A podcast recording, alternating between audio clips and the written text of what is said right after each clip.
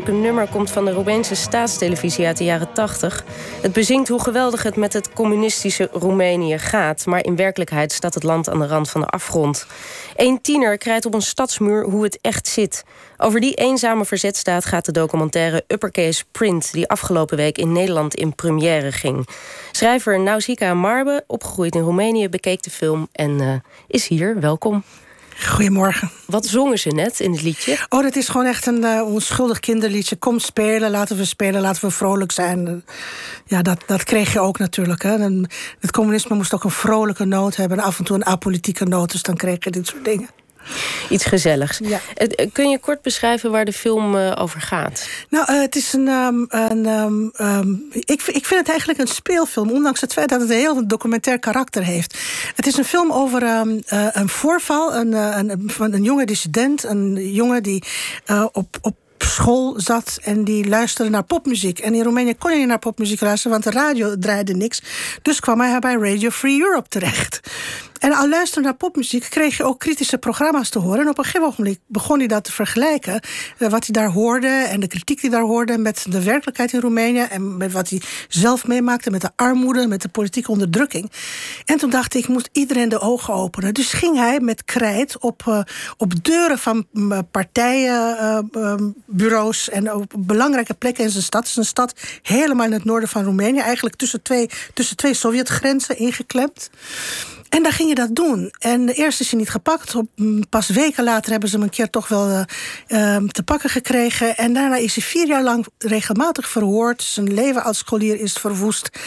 En hij is overleden aan leukemie en waarschijnlijk ook vergiftigd tijdens de verhoren.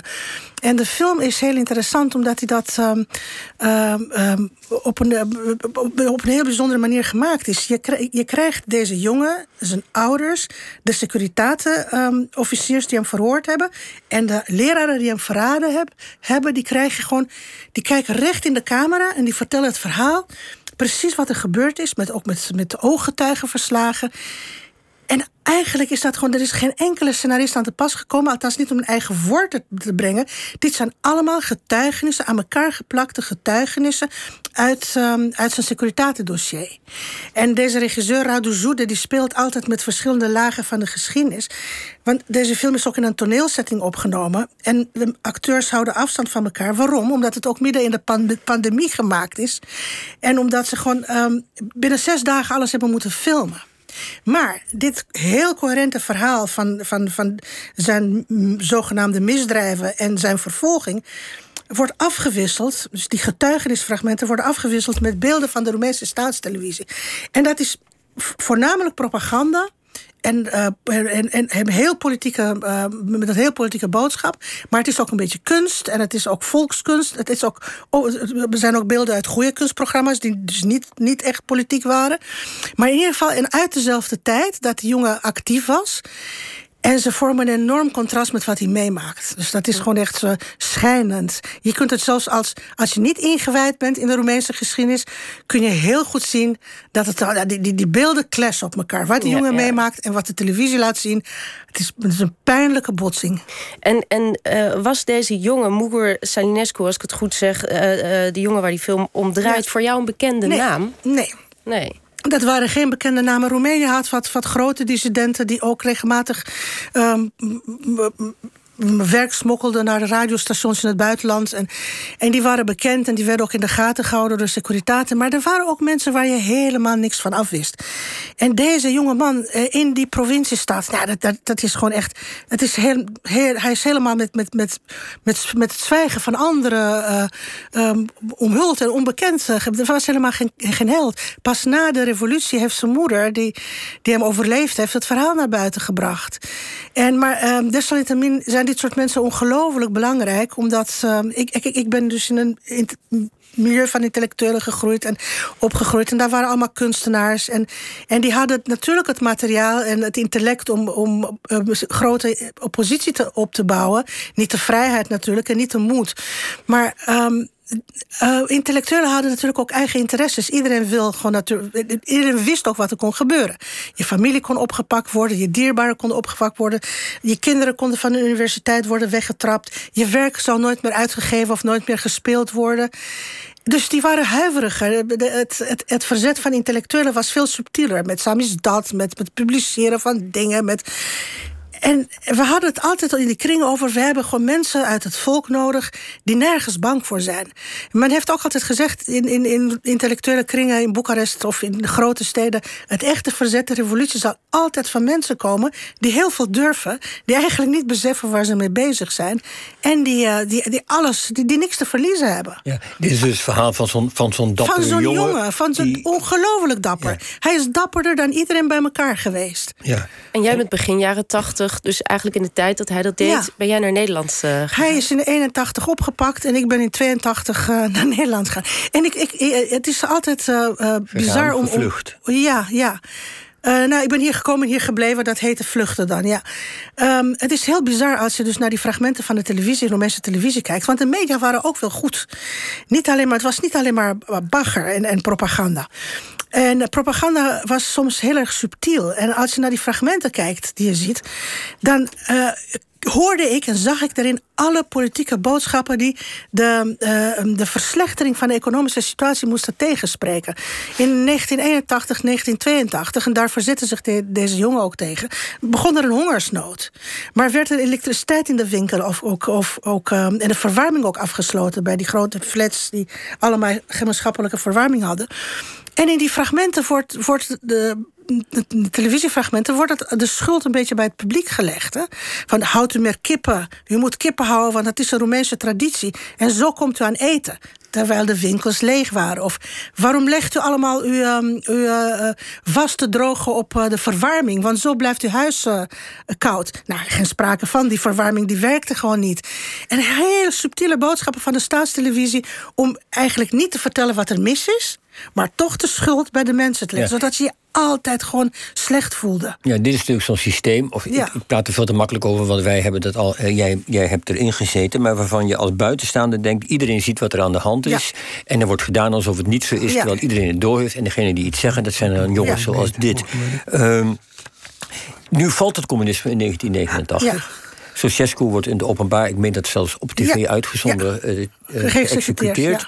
Um, is het dan ook over met die communistische machthebbers?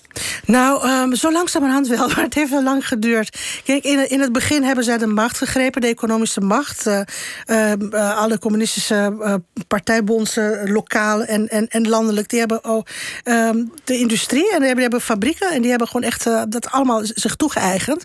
En bovendien zijn ze in de politiek gegaan in een heel machtige partij, die, die jarenlang gewoon kabinetten vormde. Maar er gebeurde op een gegeven moment iets, en dat wordt in een andere schitterende documentaire getoond. Een brand in een discotheek. De discotheek heette Collectief. En toen barstte de bom. Dat was echt de druppel die de emmer deed overlopen. Dat was pas 2015. 2005 was dat. 15. 15, ja.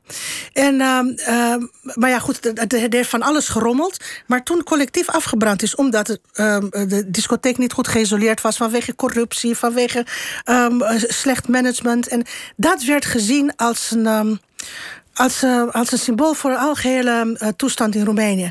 We zijn, we zijn overgeleverd aan mensen die, met, die zich alleen maar verrijken, die met onze levens spelen, die, die, die dat land gewoon echt naar de afgrond brengen. En we, zijn, we willen heel graag in Roemenië zijn, deze jonge generatie, of de liberale, progressieve uh, Roemeen. Maar we, we zijn genoodzaakt om naar het buitenland te vluchten, omdat dit land ons niet meer te bieden hebben. En toen hebben ze gezegd: basta, we gaan de straat op. En toen zijn mensen gewoon echt soms een miljoen mensen per avond de straat opgegaan in Boekarest. Dat heeft zich verspreid naar andere steden. Dat heeft maandenlang geduurd. Toen is de premier gevallen. Toen is ook de, uh, uiteindelijk ook de regering gevallen. En sindsdien hebben um, uh, hebben de, deze revolutionaire krachten, die er ook de beweging zijn gestart van wij willen geen uh, veroordeelden, penali, de penaliteit is de veroordeelde. In de oude communistische partij waren heel veel mensen die voor fraude veroordeeld zijn. En die konden op een gegeven moment niet meer minister worden of premier. Dus die partij raakte verzwakt. En zo zijn liberale partijen en progressievere allianties en, en nou ja, gewoon echt ehm, wat, wat verlichtere politici aan de macht gekomen. En zijn dus in ieder geval die criminelen, die echte maffia, die worden een beetje teruggedrongen. Dat kun je natuurlijk nooit doen, maar ze zijn niet meer zo dominant als vroeger. En ze kunnen natuurlijk niet meer Europees beleid dwarsbomen. Dat deden ze à la Orbán en à la PIS in Polen. En dat is in Roemenië dus niet het geval. Maar zeg je nou echt dat Roemenië een, een, een andere weg gaat dan bijvoorbeeld Hongarije of Slovenië? Dat, dat kennen we allemaal als landen waar je hebt eerst communisme en dan krijg je een corrupte, niet communistisch... maar er blijft een soort macht die de boel belazert... en lak heeft aan mensenrechten, et cetera. Dat, is dat Roemenië een andere weg aan het gaan? Is dat echt wat je nu zegt? Nu, ja, je hebt nog natuurlijk die partijen die dat doen. En je hebt ook heel zwaar christelijke partijen, ja, bijna fundamentalisten... die uit de Amerikaanse alt-right-beweging worden uh, gesponsord. Maar op dit moment heb je, ja, ja, je hebt een premier, uh, die, die, dat, of je had een premier, die, dat was iemand die Hongaars was. Je had de president, dat is iemand uit de Duitse minderheid. Je hebt een minister van uh, Gezondheid, dat was een Palestijnse man. Je hebt een, een van de deelburgemeesters van Boekarest is een Française. Dus het is eigenlijk een heel cosmopolitisch land als je dat goed bekijkt. En dat is altijd wat vrijer. Dat laat zich nooit nationalistisch en echt, echt conservatief inkapselen. Die, die tendensen zijn er ook, die partijen zijn er ook. Maar het land is barst van, van, van, van, van de openheid. Het is ook altijd zo geweest. Altijd met, naar buiten gericht. Altijd gewoon meer willen zijn dan alleen maar dat land zelf. Contacten willen hebben. Trots zijn op, op, op internationale invloeden. Dus ik zie, je kunt natuurlijk dingen nooit uitsluiten... en je weet nooit wat er gebeurt in zo'n regio... wat de Russische invloeden zullen zijn. Maar ik vind Roemenië op dit moment op de goede weg... omdat het gewoon open blijft. Het, het, is gewoon echt een, een, absoluut niet, uh, niet dat, binnen, naar dat binnengerichte... en dat dwingen en totalitaire... dat je gewoon echt in de, bij de Visegrad-landen ziet. Maar je ziet dus wel dat ze nog bezig zijn... met het verleden te verwerken eigenlijk. Helemaal. Van dit soort films en... Ja. Ja, en dat is, dat, dat is mooi, want zo'n film is gewoon... dat zijn zoveel lage geschiedenis die in, in, in een film. En voor elke generatie is er wat bij. voor de ouderen... Ik ben dan inmiddels de generatie die het meegemaakt heeft. Ik herken veel dingen. Ik herinner me veel dingen. Ik verwerk ook veel veel. En, en die mensen die daar gebleven zijn misschien nog meer. De jonge generatie leert ervan. Maar er is ook, gaat ook een waarschuwing vanuit. Want de laatste scène van de film bijvoorbeeld... daar, daar verschijnen die securiteitsofficiers eh, in het nu, vandaag... in het kapitalistische Roemenië, dat ook weer, weer heel uitbundig is. En die beginnen, die, die hebben precies zo'n Orbán-taal. Oh, maar die jongen, we hebben het alleen maar gedaan om hem te beschermen. we hebben hem koffie gegeven omdat het midden in de nacht was. Er is toch niks aan de hand? Er waren toch wetten? We hielden ons toch aan de wet? Kom nou, uh, arme jongen, ik kende hem nog. Hij, had nog bijles gekregen van mijn moeder, van mijn schoonmoeder. Ja, die badinerende taal van jullie maken drukte en er was eigenlijk helemaal niks aan de hand. En het was om de jeugd te beschermen. En ondertussen is de jongen vermoord. Dus er zit ook nog wel een waarschuwing. Er is een waarschuwing. Kijk, zo werkt het totalitaire denken. Zo werken politici die, die, die met alles wegkomen, die macht hebben, die, uh, die, die, die ook schaamteloos in je gezicht liegen en dingen omdraaien. En waartegen je, als je, als je echt voor democratie en voor transparantie bent, sta jij zelf met de mond vol tanden. Want wat moet je zeggen als iemand zich zo gedraagt? Goed, hartelijk dank, Nausicaa Marbe. Deze uh, zomer verschijnt je boek Wachten op het Westen. Over je jeugdjaren in Roemenië. Dan, uh, daar kijken we naar uit. En de film Uppercase Print is komende weken te zien in het AI Filmmuseum in Amsterdam. Dank je wel.